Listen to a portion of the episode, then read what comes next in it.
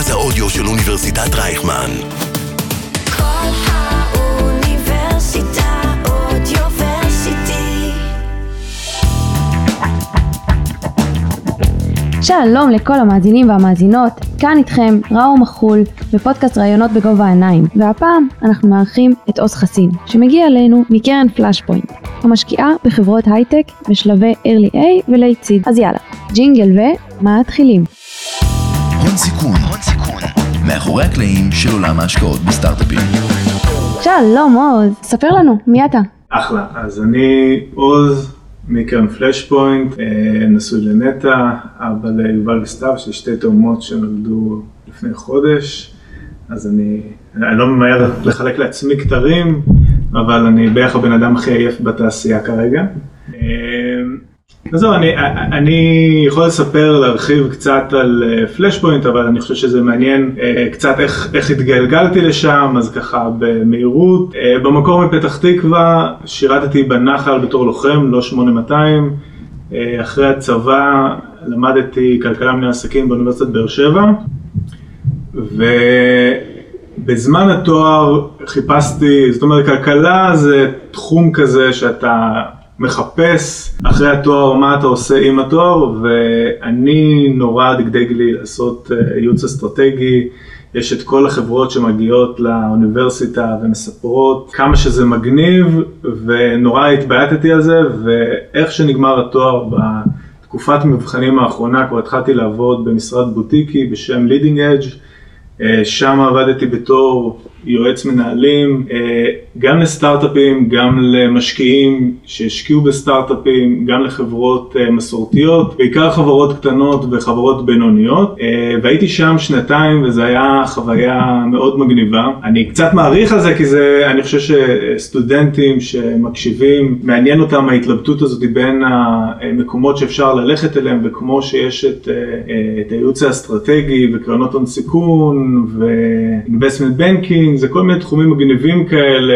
שיש ביניהם איזה שהם קווי דמיון. אז אני עבדתי שם שנתיים, אחרי שנתיים וחוויה מאוד טובה, עם מנטור מאוד טוב בשם ראובן, אה, שלימד אותי הרבה, אה, אה, עברתי ל-EY, שמה הצטרפתי, יש ב-EY את המחלקה, EY זה אחד מהביג פור, אחד ממשרדי הראיית חשבון הגדולים בארץ, ובמחלקה הכלכלית, שיש להם מחלקה ש, של אסטרטגיה וליווי עסקאות, אה, שם למעשה יש צוות של אה, ייעוץ אסטרטגי לחברות, ושם עבדתי בתור יועץ, באתי אחרי הניסיון מלידינג אדג' ועבדתי שם עוד שנתיים. אה, וככה באופן כללי הדברים שעשיתי, העבודה ב-UI נורא מגניבה, כאילו כמעט אחרי כל פרויקט שסיימתי, יכולתי לשלוח כתבה מכלכליסט שאומרת הנה זה מה שעבדתי עליו בחודש הקודם, איזה רכישה של חברה גדולה, איזה חברה גדולה שנכנסת לאיזה תחום מעניין אמ, ובגדול העבודות היו מתחלקות לארבעה סוגים. זה או ייעוץ אסטרטגי כזה מאפס שעושים אסטרטגיה לחמש השנים הבאות, איזשהו תאגיד, מה, לאיפה הוא רוצה לקחת את, ה, את העסק. אה, תוכנית עסקית שזה מין משהו שבסוף התוצר שלו זה, זה מצגת משקיעים, אה, ייעוץ שהוא יותר אה, כלכלי כזה ו-commercial due diligence, כשחברה עושה רכישה אז יש כל מיני סוגים של due diligence, של בדיקת נאותות, של האם העסקה הזאת make sense. אז יש בדיקה שהיא חשבונאית, יש בדיקה טכנולוגית, והבדיקה שאנחנו היינו עושים הייתה יותר אה, מסחרית, לראות שהשוק שם, שהתחרות שם, אה, וככה, אלה הכלים שבאתי איתם אחרי ארבע שנים. לחפש עבודה, לא חיפשתי בהכרח בקרן הון סיכון, אלא כל מיני דברים שיכולים מצד אחד לשים אותי, להמשיך להושיב אותי בשולחן ליד המנכ"לים של חברות, וסוג של מקפצה כזאת, והון סיכון זה היה אחד הדברים שמאוד חיפשתי, הייתי גם די בררן, חיפשתי במשך הרבה זמן את המקום הבא, הייתי בררן כי גם הייתה לי איזושהי היכרות והתנסות קודמת עם קרנות ועם תחום ההון סיכון.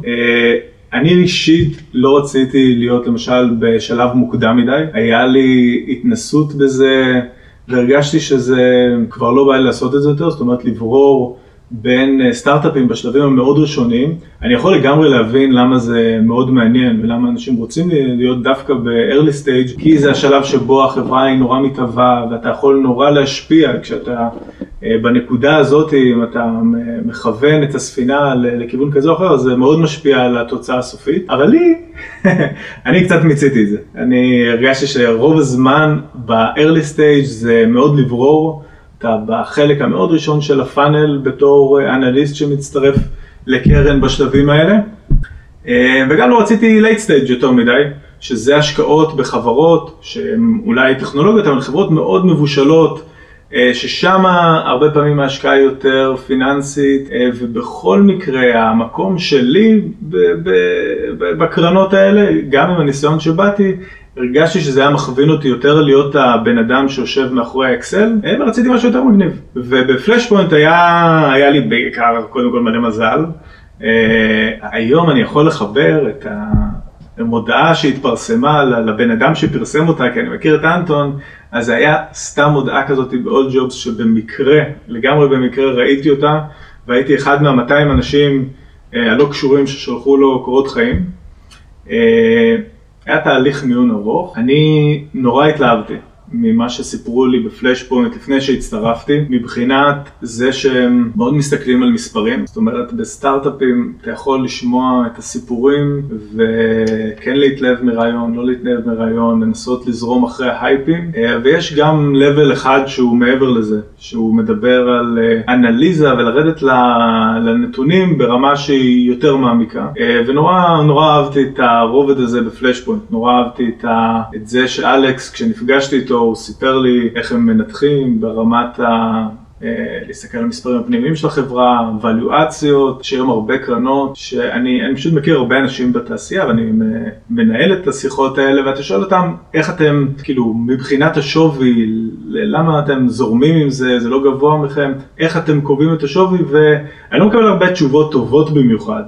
אה, במיוחד לא בשלבים האלה, זאת אומרת, לעשות הערכת שווי לסטארט-אפ בשלבים מאוד מתקדמים, ששתי המתחרות הכי גדולות של החברה כבר נמצאות בבורסה, אה, זה לא כזה מסובך. ככל שאתה מגיע לשלבים שהם יותר early, אז זה הופך להיות שאלה יותר קשה, אה, ובגלל שזה early אז הרבה קרנות אה, מתעלמות מלענות על השאלה הזאת, על איך אתה קובע את השווי, ויש הרבה יותר גמישות מתוך הנחה של אם פגענו, פגענו פי 100 ואז זה יכפר על השווים הפחות טובים, אבל עכשיו למשל אנחנו בתקופה בשוק שפתאום רואים מי שכר ערום ולהיכנס בשווי גבוה מדי אומר הרבה פעמים שאתה בעיקר מפספס כנראה איזה שנתיים של החזרים אה, בחברה. אה, בקיצור, כל היכולת הזאת של פלאש פוינט להיות מאוד אנליטי, מאוד להסתכל על ההשקעות גם ברמת ה upside וגם ברמת ה downside שלהן,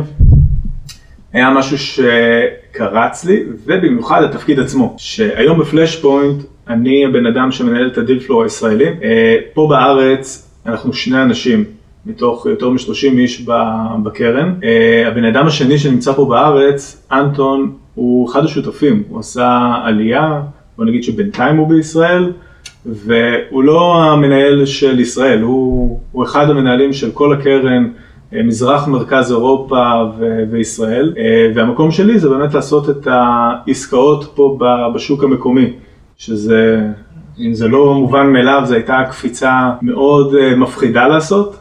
בין העבודת ייעוץ שעשיתי, שהרגשתי בה מאוד בנוח מבחינת מה שאני יודע לעשות, לקרן, אבל אני, אני הצבתי את, את המצב כמו שהוא, הסברתי את זה לאן, אמרתי לו, תשמע, זה מה שאני יודע, לא עבדתי בקרן לפני זה, זה בסדר, הוא זרם. אז אה, ככה התגלגלתי בעיקר לקרן. אז רגע, אני רק אקח כן. אותך קצת אחורה. אה, ראית את המודעה? מ- מה הייתה המשרה? מה- מה- מה התיאור? מה הכותרת? מה ההגדרה? אה, אני חושב שההגדרה הייתה venture capitalist או associate for an international VC, משהו בסגנון הזה. כשאני חיפשתי את העבודה הייתי, אה, עשיתי את זה ברצינות, זאת אומרת, היה לי איזה קובץ וורד גדול כזה עם מלא כישורים לכל מיני, כל מיני מילות מפתח ב-all jobs, בלינקדאין וכולי, וכל בוקר הייתי פותח עם אה, מה, מה חדש היום.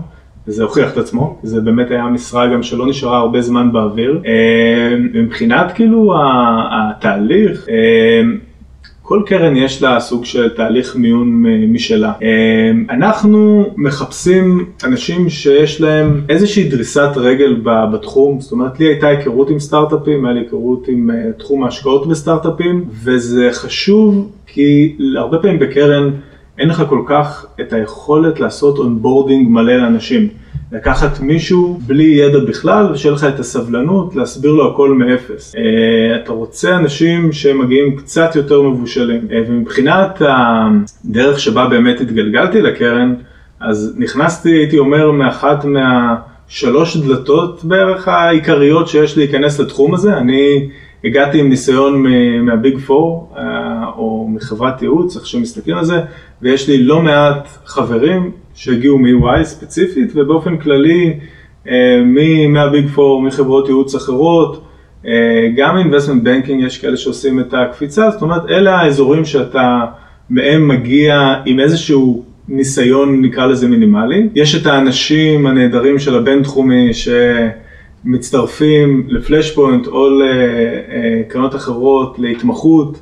וככה באמת צוברים ניסיון, בין אם זה ישאיר אותם בקרן שלנו או בקרן אחרת, אה, או שיעזור להם באמת להראות את זה שיש להם קצת יותר הבנה מחבר'ה אחרים אה, בתעשייה, אה, וזה יכניס אותם, ייתן להם את הרגל בדלת. ויש כל מיני כאילו דרכים אחרות, בין אם זה אנשים שהגיעו עם איזשהו ניסיון אה, ספציפי, מאיזה תעשייה שהם מכירים, או שהם עבדו בפיתוח עסקי בסטארט-אפ, או סתם כוכבים כאלה שעשו MBA בחו"ל, או היו טייסים בצבא, גם כל מיני כאלה יש, אבל אה, אלה פחות או יותר הדרכים העיקריות להיכנס לתחום ההון סיכון. נראה לי שמגניב להיכנס, כאילו, אם יש שאלה של אה, אם זה תחום ששווה להיכנס אליו, אז בין, קודם כל, קודם כל השלו, השלושה אה, תפקידים האלה שציינתי אותם מקודם, של אם להיות יועץ בחברת ייעוץ, אה, הון סיכון או investment banking, אני חושב שכל התחומים האלה הם נורא מגניבים מסיבה מסוימת. אתה לא מתעסק באיזשהו תהליך ספציפי, אלא אתה יושב בשולחן שבו מקבלים את ההחלטות של החברות. אתה יושב בשולחן ליד המנכ"ל, ובאופן כללי בקריירה זה לא ש- you live you learn, אתה, אתה רוצה להיות במקומות שבהם אתה תוכל לצבור את הניסיון הרלוונטי.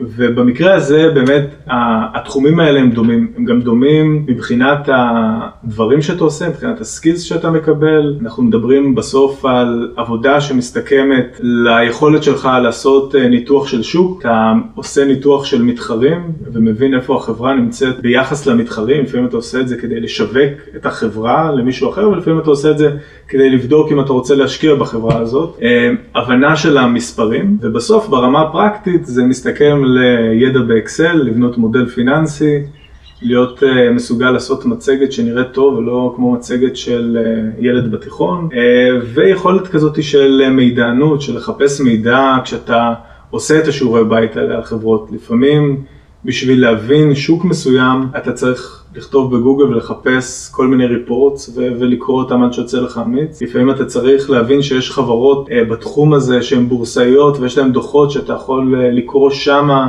ולקבל הרבה מאוד מידע על השוק. אז אלה פחות או יותר הסקילס שהיו לי גם בייעוץ אסטרטגי, וכל הדברים האלה מאוד מלווים אותי גם בבחירה היום של אה, השקעות, אה, וגם ביכולת לעזור לחברות אה, כשאתה מצטרף לבורד שלהם, ולעזור להם לגדול ולהציג, גם לבנות budget נכון וגם לראות איך משיגים אותו. מעניין מאוד.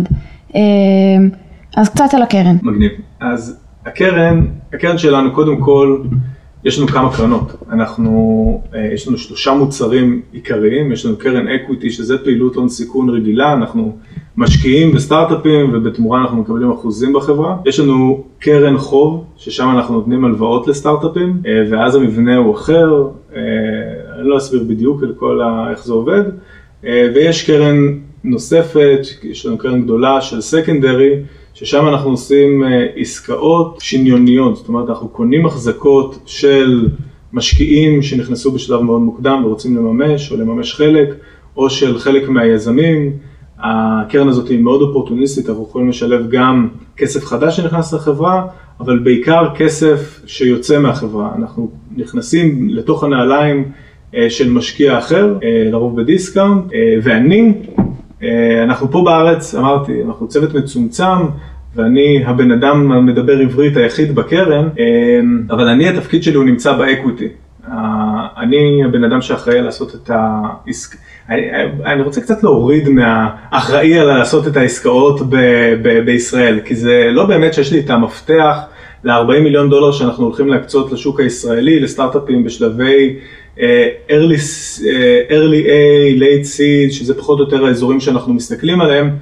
אני, בעיקר התפקיד שלי זה להביא עסקאות טובות ל-investment committee, שזה במיוחד חשוב לציין את זה אם הם מקשיבים לנו מישהו מרשות המיסים, הם לא יושבים בארץ, הם יושבים באיי קיימן, זה איפשהו ליד אה, קפריסין, הוואי, אה, ושם אנחנו מקבלים את ההחלטות. התפקיד שלי בסוף זה למצוא את הסטארט-אפים שאני חושב שה-investment committee יוכלו לאשר אותם, כי זה סוג החברות שאנחנו אוהבים להשקיע בהן. אז אני מחפש את החברות האלה שיתאימו לנו. אה, וזה התפקיד שלי תחת הקרן של ה equity, אני עוזר לקרן של החוב, אני עוזר לקרן של ה secondary, גם הם להשלים עסקאות פה בארץ, אה, אבל אני נמצא תחת הצוות של ה equity והיום אנחנו משקיעים מהקרן השלישית שלנו, התחלנו את הקרן הראשונה ב-2012, אה, קרן עם הרבה מאוד אקזיטים וקרן מצוינת, האקזיט האחרון שעשינו הייתה בחברה, בחברה ישראלית בשם MarketMan, אה, מאז עשינו עוד אקזיט בפורטפוליו של הקרן השנייה, יש לנו בפורטפוליו של הקרן השנייה חברות כמו Guesty שגייסו יותר מ-100 מיליון דולר, Commit שהם קיקנית בתחום ה-HR, אני לא יכול לפרט יותר מזה, אה, והיום אנחנו משקיעים מהקרן equity השלישית שלנו, קרן של 100 מיליון דולר, עד היום עשינו 13 השקעות כבר מהקרן הזאת, חמש מתוכן בחברות ישראליות. אה, אנחנו משקיעים במזרח מרכז אירופה וישראל, כשישראל זה שוק מאוד אסטרטגי מבחינתנו. ה headquarters נמצאים בלונדון, יש לנו סניפים אזוריים בישראל, ריגה, מוסקבה, סגרנו, ורשה, בודפשט וקפריסין.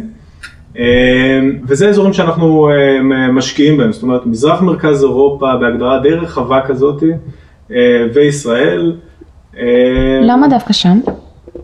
למה שם? שני הפאונדרים אה, עשו קריירה מגניבה בתחום ה-investment banking, אה, יצאו באזור שנת 2009 במשבר עם אה, כסף בכיסים והבנה של תחום ההשקעות ותחום הטק, והיה ואקום משמעותי באזור מזרח מרכז אירופה כשזה מגיע לקרנות הון סיכון, היום יש הרבה מאוד סטארט-אפים ש...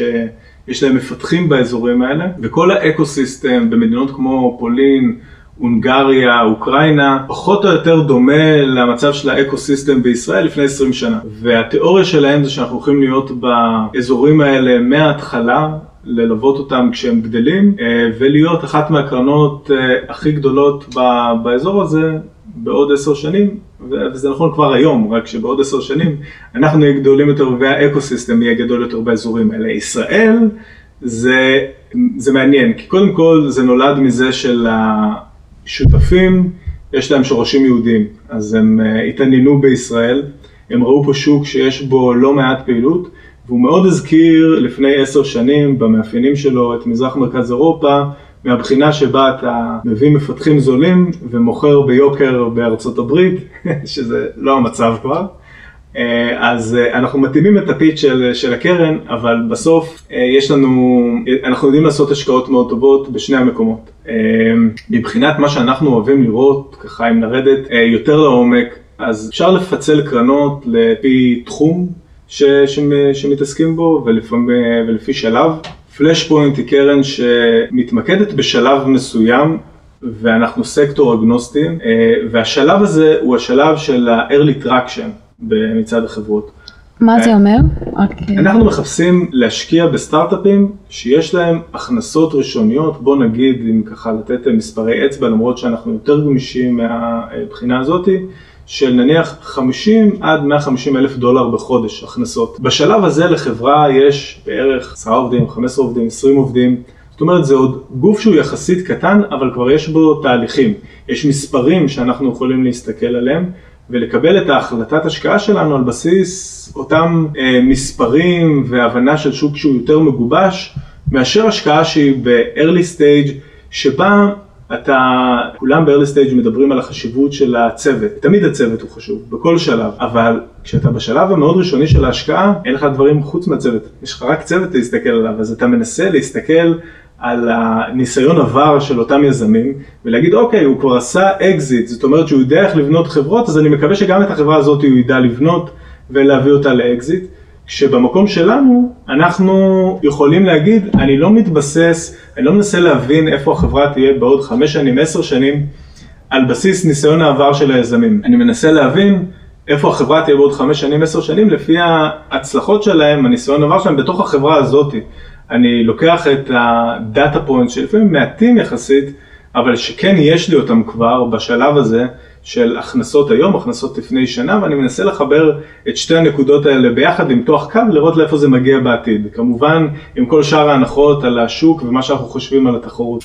אז זה מה שאנחנו עושים מבחינת איך אנחנו מקבלים אה, אה, החלטות השקעה, וזה מאוד מוכיח את עצמו משתי בחינות. אחד, זה ההחזרים שידענו להביא עד עכשיו. אנחנו לא... בדרך שאנחנו עושים את זה, אנחנו לא בהכרח נמנעים מלסבול מהפאוור לא, זאת אומרת, עדיין רוב ההחזרים שלנו מושפעים מהווינריות הגדולות של, ה, של הפורטפוליו. בכל פורטפוליו יש לך כמה חברות שהן נהדרות והן מושכות את כל הביצועים של הקרן למעלה. אבל הבטם ליין שלנו הוא יחסית, יחסית מאוד מגודר. יש לנו מעט מאוד מחיקות של חברות שאנחנו התבררו בסוף כפלופים, אה, זה כמעט ולא קורה.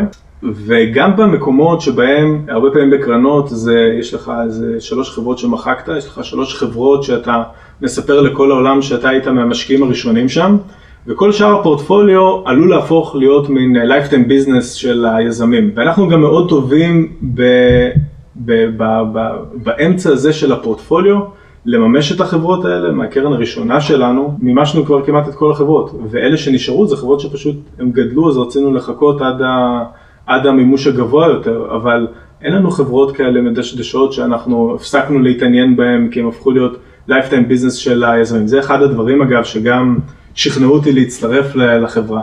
אני אוהב את, ה, את, ה, את העניין הזה, לי אישית זה נחמד ש... מאז שהצטרפתי לקרן לפני שנתיים וחצי, אה, אני כבר מתעסק עכשיו באקזיט השלישית שאנחנו עושים. אז לא רק בלהתעסק בהשקעות בחברות, גם במימושים, גם מוסיף לי לעניין אה, מבחינת הפעילות בקרן. ואיך באמת אתם מגיעים למספרים האלה? שלושה אקזיטים בתקופה כל כך קצרה זה לא... לא שומעים על זה הרבה כן. מקרנות. קודם כל זה שלושה אקזיטים שהם אה, מתפזרים על פני השקעות שעשינו במשך הרבה זמן, זה לא שהם כולם תוצאה של השקעות שעשינו אתמול, אבל אה, מבחינת הנוסחה שלנו זה שפשוט אנחנו לא מתפתים יותר מדי להיכנס למקומות שהם הייפים, אנחנו לא מתפתים לזרום עם חברה שאנחנו אוהבים בשווי שאנחנו לא אוהבים, שזה מבאס במקום שלי, זה לא כיף שאתה מוצא חברה שאתה נורא אוהב את מה שהם עושים, אבל לא הגענו לאיזה עמק שווה במשא ומתן, אבל זה מוכיח את עצמו לאורך זמן. כן. אז אה, איך אתה בוחר את החברות ואיך אתה גורם, איך אתה משכנע אותם לבוא אליכם? קודם כל איך אנחנו מגיעים לחברות האלה, יש לנו, הייתי אומר, שלוש דרכים למצוא חברות. אה, הדרך הראשונה זה אינבאונד, יש סטארט-אפים שפונים אלינו, הם שולחים לי קורות חיים, שולחים לי מצגת משקיעים, וזה חלק האמת דווקא אצלי פחות טוב בדיל פלואו, אולי זה כי אנחנו לא איזה go to fund שהיא הראשונה שאתה תנסה לגייס ממנה, אה, ואולי זה פשוט כי זה, זה המצב, שמי שפונה אליך לרוב הוא פנה קודם ל-30 אחרים שדחו אותו. אה, אבל כן, כן, גם מזה אנחנו מקבלים אה, לא רק deal flow, אלא גם חברות שבסוף מבשילות להשקעות.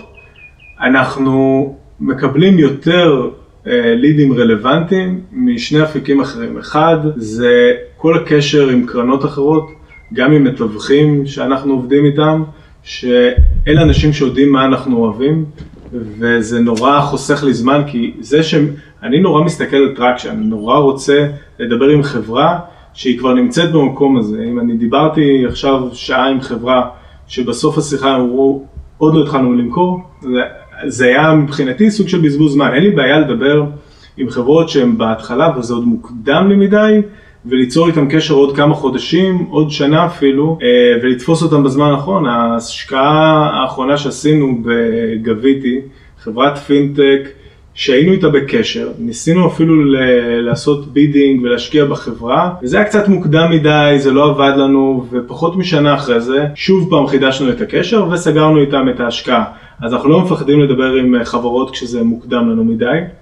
אמ, והחלק השלישי שבו אנחנו מוצאים חברות זה גישה outbound, אנחנו סורקים את האינטרנט בכל מיני דרכים. אחד זה סתם לחפש ב LinkedIn וב Crunchbase ולהיות באירועים ולחפש את החברות שבשלב ובתחומים שמתאימים לנו. אה, ושתיים גם אנחנו פיתחנו כל מיני כלים אה, חכמים כאלה. אני לא יכול יותר מדי לפרט, אבל אני מקבל בהאבספוט היום כל מיני נוטיפיקיישנס כאלה של הנה חברה שיכולה להיות מעניינת, הנה חברה שכדאי לך לדבר איתה וכולי. בנינו בעצמנו את כל הכלי IT כאלה, יש לנו אה, שני מפתחים בחברה שמתעסקים בזה, לעשות את מה שעשינו עד היום בצורה מניואל, לעשות אותה בצורה חכמה יותר, כדי שנמצא את כל החברות האלה צעד אחד לפני זה. אה, ובהקשר לזה של איך אנחנו מוצאים אה, סטארט-אפים ב-outbound, אני חייב לציין את זה שגם יש לנו פה בארץ תמיד מתמחים שנמצאים איתנו בצוות ועושים עבודה נהדרת. אה, המתמחים שאנחנו עובדים איתם מגיעים או מאוניברסיטאות בארצות הברית, או מאוניברסיטת רייכמן, או מאחת מה... אנחנו עובדים כמעט עם כולם, עם אה, באר שבע, באוניברסיטה הפתוחה, באוניברסיטת תל אביב, יצא לנו, כמעט לכולם יש תוכניות מתמחים, שהזכרנו שזה סוג של דרך להיכנס גם לתעשייה הזאת וללמוד לא מעט. אה, ואני בהקשר הזה יכול לציין את האוניברסיטת רייכמן לטובה. אה, מאיזה רקע מגיעים המתמחים? למי זה מתאים? כל מיני, אני חושב שבעיקר תחומי אה, ביזנס כאלה, החוג ליזמות, יש היום, אני בעצמי לא ציינתי את זה, אני מתרגל מנטור באוניברסיטת בן גוריון, בתוכנית חדשנות שיש שם, שמביאה אוניברסיטת אה, סטודנטים אה, מארצות הברית לפרויקטים כאלה שעוזרים לסטארט-אפים וזה נורא מגניב, אז אה, יש את זה בכל אוניברסיטה היום כמעט, ומגיעים באמת מתחומים או טכנולוגיים, שגם כאלה יש, אבל בעיקר מהתחומים דווקא יותר הביזנסים, שמנסים להיכנס לתעשייה הזאת, התמחות זה דרך מגניבה להיכנס לתעשייה שהיא די סגורה, זאת אומרת אם אנחנו מסתכלים, יש איזה 400 קרנות הון סיכון פעילות בארץ. כמה אנליסטים יש שהם חבר'ה צעירים שעובדים בקרנות האלה, ושהם עובדים גם, הייתי אומר, בקרנות אה, מעניינות ובתפקידים שמתעסקים באמת בתכלס ולא בעבודות שחורות? לא הרבה. כאילו זה אה, הפודקאסט על הון סיכון, איך להיכנס להון סיכון, וזה לא קל בכלל להיכנס לקרן הון סיכון, זה תעשייה שהיא פיצית בארץ. אה, אז, אז אני חושב שזה דרך כניסה נורא טובה, ו, אה, והסטודנטים של אוניברסיטת רייכמן מגיעים, אין לי כאילו, אמרתי, אני למדתי בבאר שבע, אני לא מקבל כסף מאוניברסיטת רייכמן על זה שאני מחלק להם מילים טובות, אני חושב שפשוט הסטודנטים שאנחנו מגייסים אה, להתמחות בקיץ מאוניברסיטאות בארצות הברית, הם רמה אחת מעל הרמה של הסטודנטים הבינתחומי, אה, אוניברסיטת רייכמן. ו- והאוניבר- ואוניברסיטת רייכמן אה, מבחינת גם היכולת שלהם ללמד ולהכין את הסטודנטים, שהם ידעו לענות בריאיון שאני מעביר על שאלות שאני רואה אותן כבסיסיות, זאת אומרת אה, סטודנט שרוצה להגיע לקרן הון סיכון, אם אני שואל אותו מה זה SaaS והוא לא יודע, אם הוא לא יודע מה זה פינטק, אם הוא לא יודע אה, שלסטארט-אפ בשלבים ראשונים אין רווחים, שאני יכול להחליט אם אני משקיע או לא משקיע לפי הגידול ברווחים, אה, קשה לי נורא להעסיק מישהו כזה, כאילו מבחינתי כשאנחנו מביאים מתמחים, ואנחנו מאוד אוהבים את המודל הזה של להביא מתמחים, אני רוצה אנשים שיחסכו לי זמן, זו הסיבה שאני מביא אנשים. אני רוצה אנשים שהם יעבדו בחינם, וזה מה שאני מקבל מהם, בתמורה הם מקבלים ניסיון, וזה עובד טוב רק כל עוד אה, אני מקבל יותר זמן ממה שאני משקיע בלהסביר להם איך לעשות דברים. אה, ובשביל זה צריך להגיע עם לא ניסיון מקרן אחרת, אני צריך.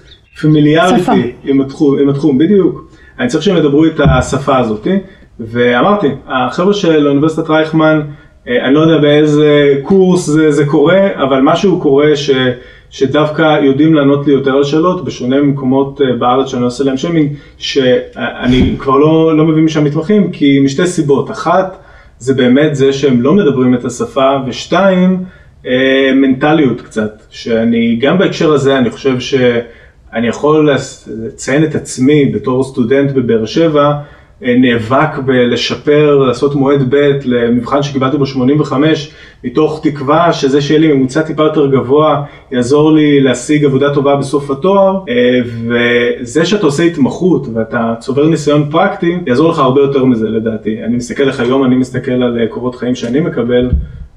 ואני לא באמת מסתכל מה, מה הממוצע בתואר, אין שום שלב שבו זה אכפת לי, אני מנסה לראות אם הוא עשה משהו עד עכשיו שאומר שהתחום הזה מעניין אותו, ש...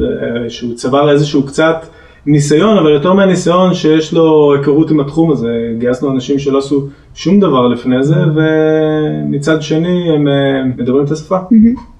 אה, ומה הטיפים שלך לאותם מתמחים נגיד שרוצים להתקדם ולעלות בסולם מלהיות רק אנליסט? מישהו מתמחה שרוצה להתקדם, קצת קשה לענות על זה, כאילו מבחינת איך אתה מוכיח את עצמך בקרן. אה, לוקח זמן להוכיח את עצמך בקרן, זאת אומרת, זה לא שבאמת אתה יכול לעשות, הנה עשיתי עסקה טובה ועשינו בה אקזיט, אז הקרן הרוויחה בזכותי מלא כסף, ועכשיו הם ירצו אותי בתפקידים בכירים. לוקח המון זמן בתעשייה הזאת, עד שאפשר באמת לנתח אותך לפי תוצאות, כמו שאנחנו אוהבים לנתח סטארט-אפים לפי תוצאות. אז מה שאתה בעיקר יודע להראות בשלבים הראשונים, זה שאתה אחד שבא לעבוד קשה, והוא יודע להביא את הלידים, לא להביא את העסקאות שאתה סוגר, אלא להביא את הלידים. ומבחינת מה שאתה לומד בהתמחות, מה שאתה לומד בקרן, ה skills המשמעותיים שאתה צובר, אמרנו את כל העניין הזה של אה, לעשות אה, ניתוח של התחרות, ניתוח של השוק, להסתכל על המספרים. אתה עושה הרבה מאוד פגישות עם אה, יזמים, עם מנכ"לים של חברות, ואתה, ככל שעובר הזמן אתה משתפר ב fundraising, משני הצדדים אגב של השולחן, כי אנחנו גם עוזרים לחברות הפורטפוליו שלנו לגייס כסף. אה, אתה מבין את ה fundraising, ואני חושב שה skill מספר אחד שאתה מקבל אותו לאורך זמן, זה זה שאתה לומד איזה שאלות אתה אמור לשאול אותם, איפה אתה אמור למקד את ה... תמיד יש איזושהי שאלה, סטארט-אפ שהוא בנישה שאתה תוהה אם השוק גדול מספיק, סטארט-אפ שהוא פועל בשוק שהוא גדול, אבל האם המתחרה הזה לא הולך לקחת כבר את כל השוק ואין על מה לדבר.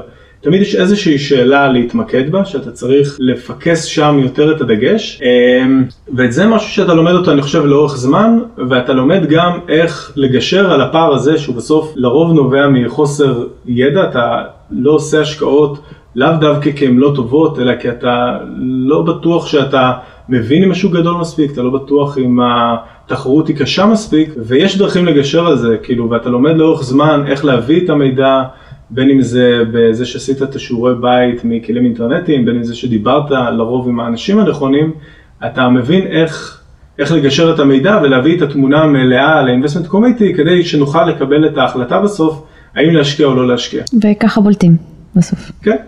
זה מאוד מעניין מה שאמרת שהשלב שאתם משקיעים בו בחברות ה-early A ו-late seed זה באמת נראה לי שלב אידיאלי.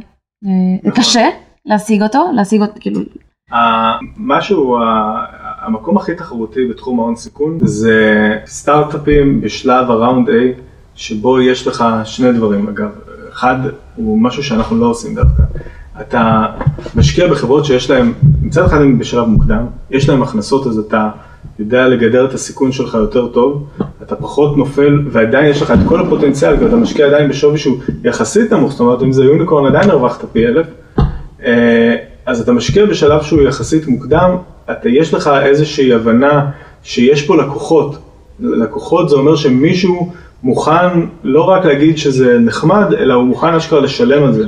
זה הוולידציה הכי טובה שאתה יכול לקבל אותה, ואני חושב שהחלק הנוסף, שהוא קצת מבדיל אותנו, זה עד כמה אתה רוצה שיהיה אה, בידול טכנולוגי.